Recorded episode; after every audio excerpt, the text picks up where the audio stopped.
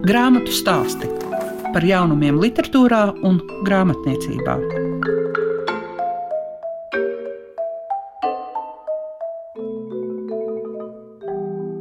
Krāšņi un krāsaini, un lai jūs visu to spētu atrast arī savās izlasītajās grāmatās.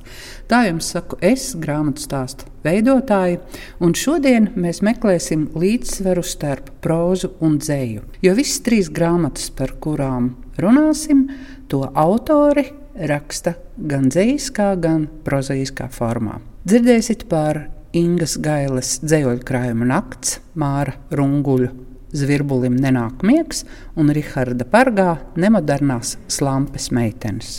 Kopā ar jums lieka piešiņa. Grāmatu stāsti programmā Klasika. Kā tu, Inga, gaili jūties starp prózu un dzēju? Jo tagad nu, jaunākais ir dzējoļu krājums, jau septītais tavs. Nu, mazliet tā kā ir saraustīta sajūta, bet eh, nu, es mācos pārslēgties. Tagad jau it kā nojaušu, ar ko viņas atšķirās un kā tur atšķirās tās darba metodas. Bet, zini, ir tā, ka tā kā es tagad mēģinu nobriest atkal prozas darbam, un tad ir tas priešanas process un viss tāds haotisks, ka es nemāku tik skaidri pateikt, kā es jūtos. Bet ar tādu distanci es saprotu, kā tas atšķirās un kā tur tās lietas atšķirās. Vai prozas rakstīšana ir ietekmējusi to, kā tu dzējo? Ir tāds krievu literatūras zinātnieks, Bikovs ir viņa uzvārds, tāds apaļīgs, harizmātisks cilvēks, kurš stāsta visādas lietas par literatūru. Un tad viņš teica, šis būs tāds laimojošs. Sev galviņas paglaudīšana. Viņš teica, ka dzēnieki Visi ir kaut cik normāli prozaiķi. Pārsvarā labi, bet nu, nekad gandrīz slikti. Otrādi ir nu, visādi.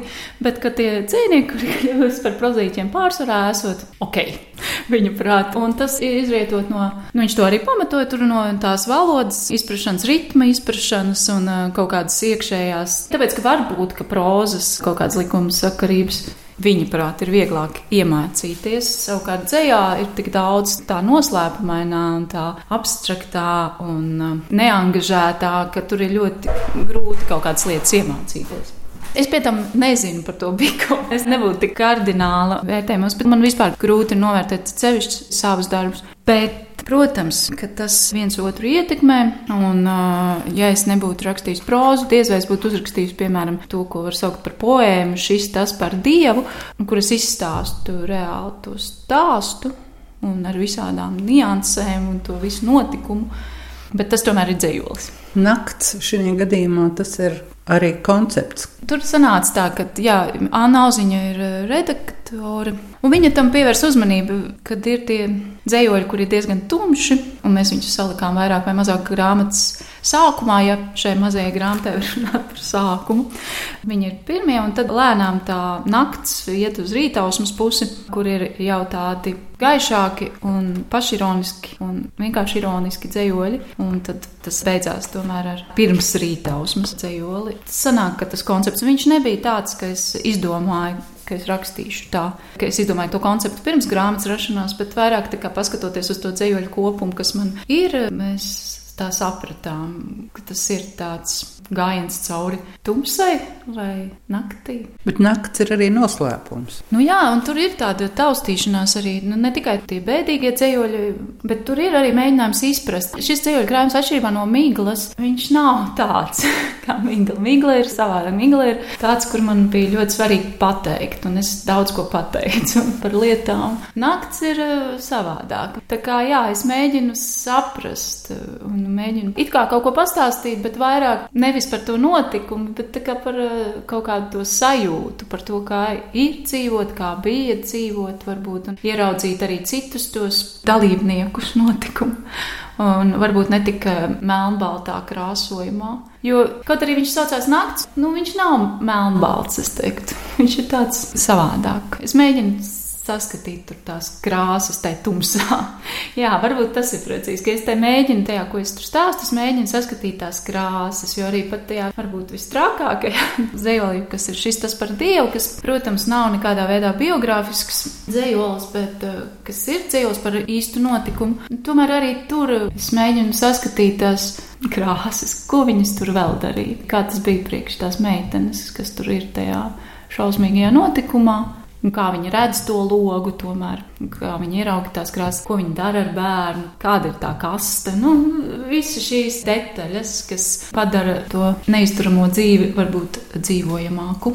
Nav kā dzīvot. Jā, bet summa mums ir. Summa, starp citu, šis dzējos ir arī, viņš ir saistīts ar, viņš ir rakstīts arī, tā kā klausoties Arvo pērta to skaņdarbu, kas sauc summa. Summa. Neko vairs nezinu.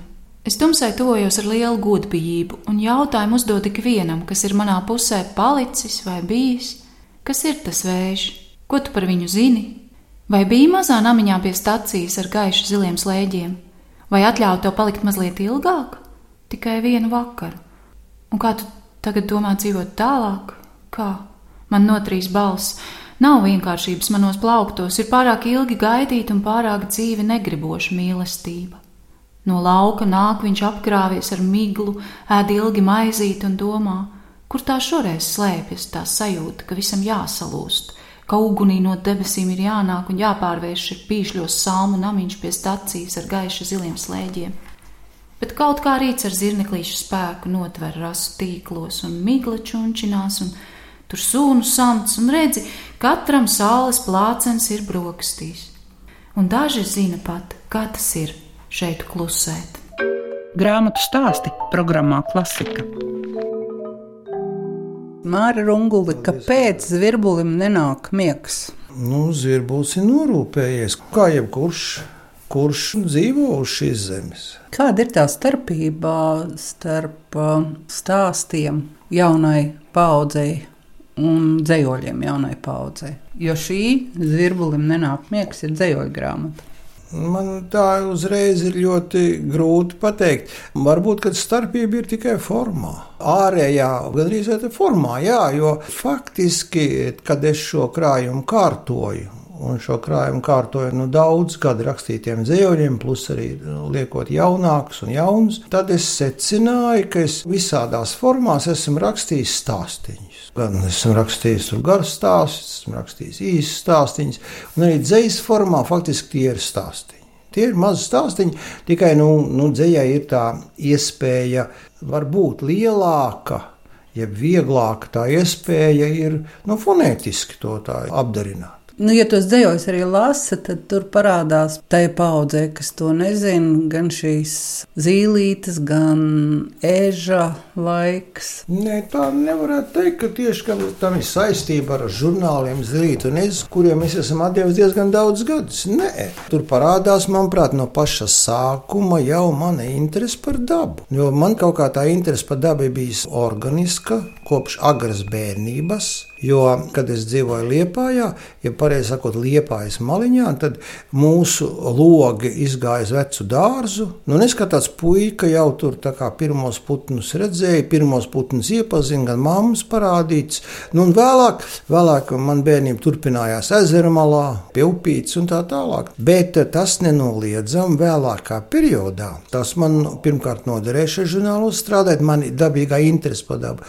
Otrkārt, šajā žurnālā strādājot, Es satikos ar kolēģi Jānu Baltvilku, kas bija lielāko mūža daļu strādājis par ornitologu, kas dabu pazina akadēmiski. Man dabīgā interese, plus arī informācija, ko es guvu, un vēl pēc Baltvilka traģiskās nāves, vēl bija tā, ka es biju spiests pārņemt galvenā redaktora pienākumu žurnālā Zīlīt, kas toreiz jau bija transformēts kā žurnāls bērniem par dabu. Un tajā laikā arī visu laiku es saskāros ar šo autoru loku. Pirmkārt, ko bija jau Baltvilks iedibinājis, jau pats piecināt kāds, ka tie bija dabas zinātnieki, tie bija ekologi, tie bija mikologi, tie bija ornitologi. Ļoti daudz cilvēku, kas tieši bija speciālisti dabā. Varbūt viņiem ne katru reizi veicās uzrakstīt, tāpēc es biju redaktors, kas to laboja un, un mēģināja piemērot bērnu uztverēji. Bet nu, kopumā faktiski man tas ir viss tādā harmonijā. Jā. Vai nav tā, ka vienai daļai, tagad, kas ir vecāki, viņiem tieši šo zināšanu par dabu nav? Un kā ar bērnu skatu uz dabu un dzīvi, arī citas paudzes cilvēki tiek izglītoti par dabu, arī šajā krājumā zvirbulim nenāk miegs. Es negribu teikt, ka dzējoļi būtu nu, tas Skaļs, izglītotājs. Bet nu, varētu teikt, ka nenoliedzam, ka pievērst dabai uzmanību, jā, es būtu apmierināts. Vienkārši, ja, piemēram, lasot manu vai dzeņa dziesmu, vai stārķa dziesmu, vai vāržu dziesmiņas, ka kāds vienkārši aizdomātos un kaut kā ievērot, nu, ka ir vārdes, kad ir stārķi, ka mēs faktiski dzīvojam nu, ļoti brīnumainā pasaulē un vidē, ka bez mums lielākajiem zīdītājiem cilvēkiem, bez mums apkārt tik daudz kā interesanti. Vajadzētu kādu dzējoli noteikt. Ja jau mēs runājam par putniem un dabu, tad es arī nolasīšu vispirms dzeņa dziesmu un pēc tam zvirbuļu dziesmu. Dzeņa dziesmas, kam tā?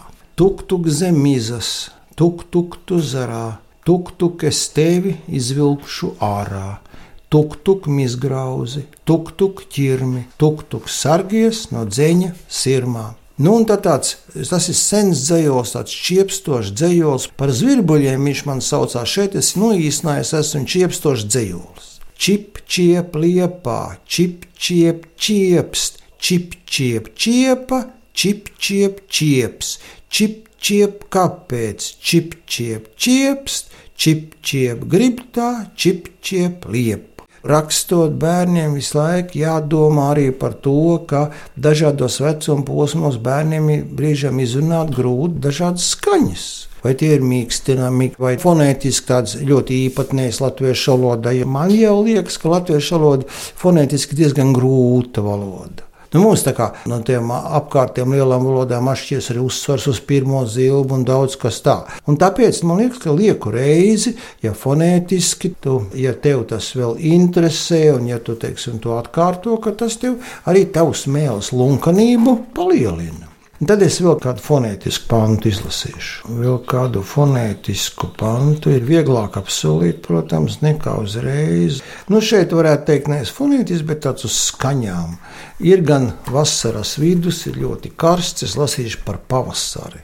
Tas tā, nu, tā kā pretpols šim laikam, saucas pavasaris. Rūķi, kūra, ugunskura, krāva, kaudzē, lāstekas, kūst un tek kūst un tek, tek, tek, tek. Reku, reku augstā malka iesāk urdzēt tā kā valka. Nu, valka kā strauts, kā urga, nu tādā nozīmē. Tomēr vasaras vidū es arī vēl vasaras vidus dažus pantus nolasīšu dažus vasaras vidus pantus.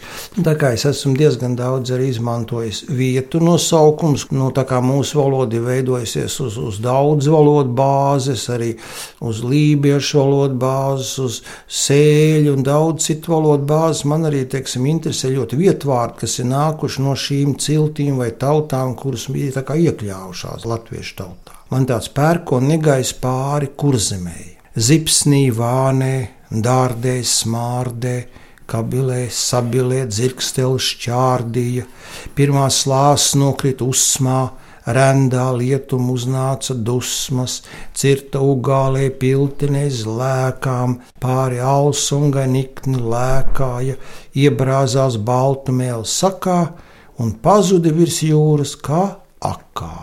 Nu, un vēl tad divas vasaras dzējolīšas. Jūlijas Vasara ar dvieli pār plecu, uz jūru peldēties lec. Un otrs vēl dzējolīts vasaras vidus. Saula ezerā visu dienu plunčājas pats vasaras vidus. Melens mētrās paslēpjas skrien pats vasaras vidus. Stārķēni pirmoreiz debesis garšo, vasaras vidus pēc rudens jau smaržo. Nu, nenoliedzami kā liepainieks, es kā iedzimts gribētu beigt ar vienu vēja dzējoli, vienu liepājas dzējoli. Man ir tāds šeit arī cikls. Man tāds periods bija, kad es rakstīju tieši tā apzināti liepājas dzējoļus, vēja dzējoļus. Un šeit man ir viens no tiem dzējoļiem, kas saucas Baltā Bura. Baltā Bura pieder vējam, vienam pašam ātram vējam. Mēs tam līdzi nevarējām nepaspējām, neizskrējām. Nu, ir būra viena pati, tikai apkārt vēja mati. Cirtās mati, sprogās mati, lūdzu zīmējumu, skati. Grāmatu stāsti programmā Klasika. Rihards Bargais savu literāro karjeru sāka ar diviem dzējoļu krājumiem ar nosaukumu Mīļvārdiņi un Labi, bet pēc tam ir tapušas vēl trīs prozas grāmatas, un jaunākā ir nemodernās slampes meitenes. Par ko tā vēstīja, to lai stāsta Rihards pats. Tad, kad iznāca plikie rupši pirms gadiem, četriem, Man bija tāda sajūta, ka tā grāmata īstenībā nav pabeigta. Man kaut kas nepatika tajā visā. Man nebija sajūtas, ka tā lieta ir galā. Un es turpināju strādāt. No sākuma ieraudzīju mazas kļūdiņas, tās salaboju mazās kļūdiņas. Tad es cerēju uz atkārtotu metienu, kad viņi iznāks uzlabota tā grāmata. Viņa neiznāca, viņa neizpirka. Turpināju strādāt, un man pierakstījās vēl klāts stāsti. Es viņus saliku attiecīgajās vietās, biogrāfiskajās. Es pamazām pārrakstīju veco materiālu, pārstrādāju kvalitatīvi labāku. Tad man palika žēl tanku materiālu, kurš bija pašcensūras sabojāts un vispār kaut kāda tāda muļķīga, radoša eksperimenta sabojāts materiāls. Es biju tur savā un savu draugu vietā, savu dzīvē, satiktu cilvēku vietā, salīdz dažādus pazīstamus cilvēkus sabiedrībā. Un tagad es likvidēju šo kļūdu. Es saliku apakaļ iekšā visus īstos, sevi un savus draugus, uzrakstīja daudz tankus, paplašināja līdz stāstiem, niansētāk un izvērstāk. Atjaunoja arī dažas pašcensūras, sabojātās tankas, paņēma arī labākās, dažas atstāja tādas, kādas viņas bija sākumā. Tagad man sanāk tāds tā kā kopotie raksti, gandrīz, vai, bet viņi ir pārstrādāti jaunā kvalitātē. Kā viens jauns pilnīgi jauns, atsevišķs darbs. Ir pavisam savādāks sākums, grāmatai mazliet savādāks beigas. Tas vairs nav tāds vektors no šodienas uz bērnību, kā bija tā apgrieztā perspektīva. Tagad grāmatā ir tāda riņķveida kompozīcija.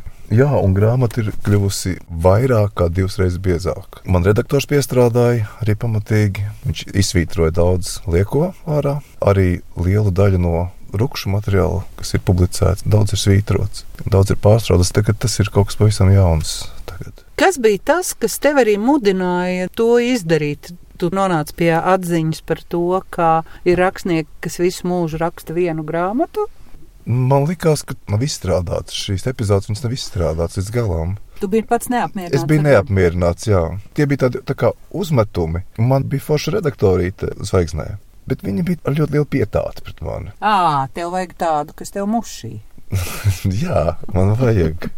It kā izskatās tā, ka es esmu ļoti neatkarīgs un tāds lecīgs, bet īstenībā man vajadzēja tādu cilvēku, kas ar vieglu rokas vēzienu pārsvītro un pasaka šito ārā ja teiksim, man ir kaut kas tāds, ko es nekādā gadījumā negribu mest ārā, es viņu arī neizmetīšu. Bet ļoti daudz, kam tā kā Ilmārs Virksts man lasīja, viņš ļoti daudz izsvītroja, un es esmu ļoti pateicīgs. Jo rakstniekam pašam viņam jau tā kā vecākam katrs kroplīts mīļš, lai kāds tas bērniņš ir. Tas ir mans bērniņš, viņš man mīļš, un tāpat ar tiem tekstiem. Neviens autors, nu varbūt nevienmēr, bet nu, daudz lietas atstāja tikai tāpēc, ka tās ir viņa tuvas. Un, Viņš ļoti daudz izšķīra, un es ar lielu prieku paklausīju. Un tāpat tās arī man vajadzēja paskatīties. Man vienkārši dažas epizodes vajadzēja sadalīt rindkopās, kad teksti viss vienā kleķē, un kad viņi sadala normāli rindkopās, viņš kļūst arī pārskatāmāks. Katru rindkopu tu vari atkal izstrādāt, pielikt klāt kaut kādas nianses, kaut kādas grāsas, kaut kādas momentus un padarīt viņu smuku. Šitajā grāmatā man ir kaut kādas divas vai trīs vietas, kuras rīktīgi balsī smējos pats. Es nevaru noturēties, man nāk šausmīgs smiekli par to, ko es esmu uzrakstījis pats. Man tas ir tāds brīnums īstenībā. Varbūt tas nav tā labi, jo televīzijā, kad humora tie veči pasaka joku un paši smējās, tas ir tā Evo, tā nav forši. Bet man tomēr liekas, forši, ja es varu pats par savu joku arī tādu no sirds smieties. Man tiešām kaut kas liekas ļoti smieklīgs, man tas pašam patīk. Pirmie divi bija dzējoļu krājumi. Kas tev tagad ir ar dzējoļu rakstīšanu? Nu, kaut kā apstājusies, apstājusies tā dzējoļu rakstīšana. Es neesmu nevienu dzējoļu uzrakstījis pēdējā laikā. Ļoti ilgus gadus. Ne. Es esmu strādājis pie tiem prozas tekstiem kas arī, es domāju, arī ir pietiekoši tādi koncentrēti un, un kaut kāds dzīslis elements, man liekas, arī iekšā tajā prozā. Tā jau nevar aiziet prom no tā. Tikai tā ir proza, elements ir. Grāmatu stāsti programmā Klasika izskan grāmatu stāsti. Šīs dienas raidījumā, kur meklējām līdzsvaru starp prózu un dzēju, jo visu trīs grāmatu autori raksta gan prozā, gan dzējā, jūs dzirdējāt par Ingas Gailas dzējoļu krājumu nakts. Māra Runguļa bērniem domātajiem dzējoļiem Zvirbulim nenāk miegs, kā arī Riharda Bargā grāmatu Nemodernās slampes meitenes kaut nedaudz bija iespēja atvērt. Kopā ar jums bija Liega Piešiņa.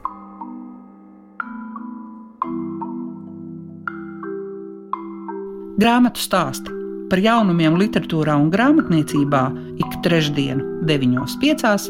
ar atkārtojumu Svētdien, 18.15.